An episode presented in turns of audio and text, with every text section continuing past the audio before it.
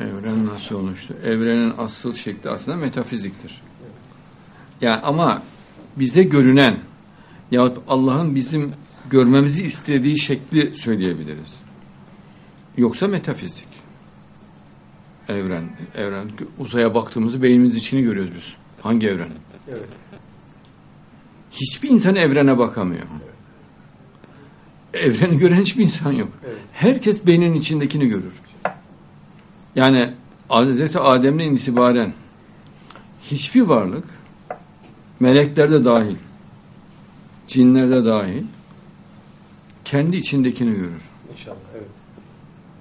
Evreni hiç kimse göremez. Evrenin görüntüsünü görürüz. Beynimizdeki. Baş, başını kaldırıyor, göğe bakıyor.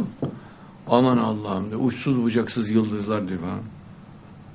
E peki nerede görüyorsun bunu? Beynimin içinde görüyorum diyor.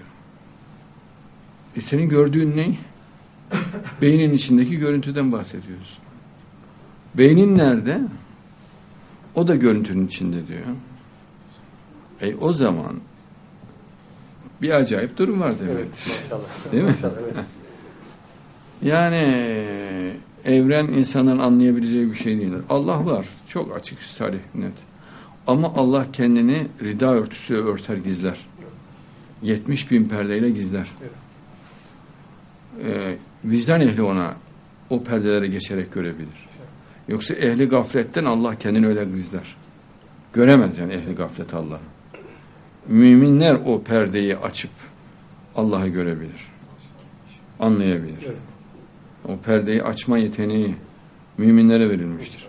Allah müminlere açıyor o perdeleri. Ehli gaflet o perdelerin gerisinde kalır, göremezler.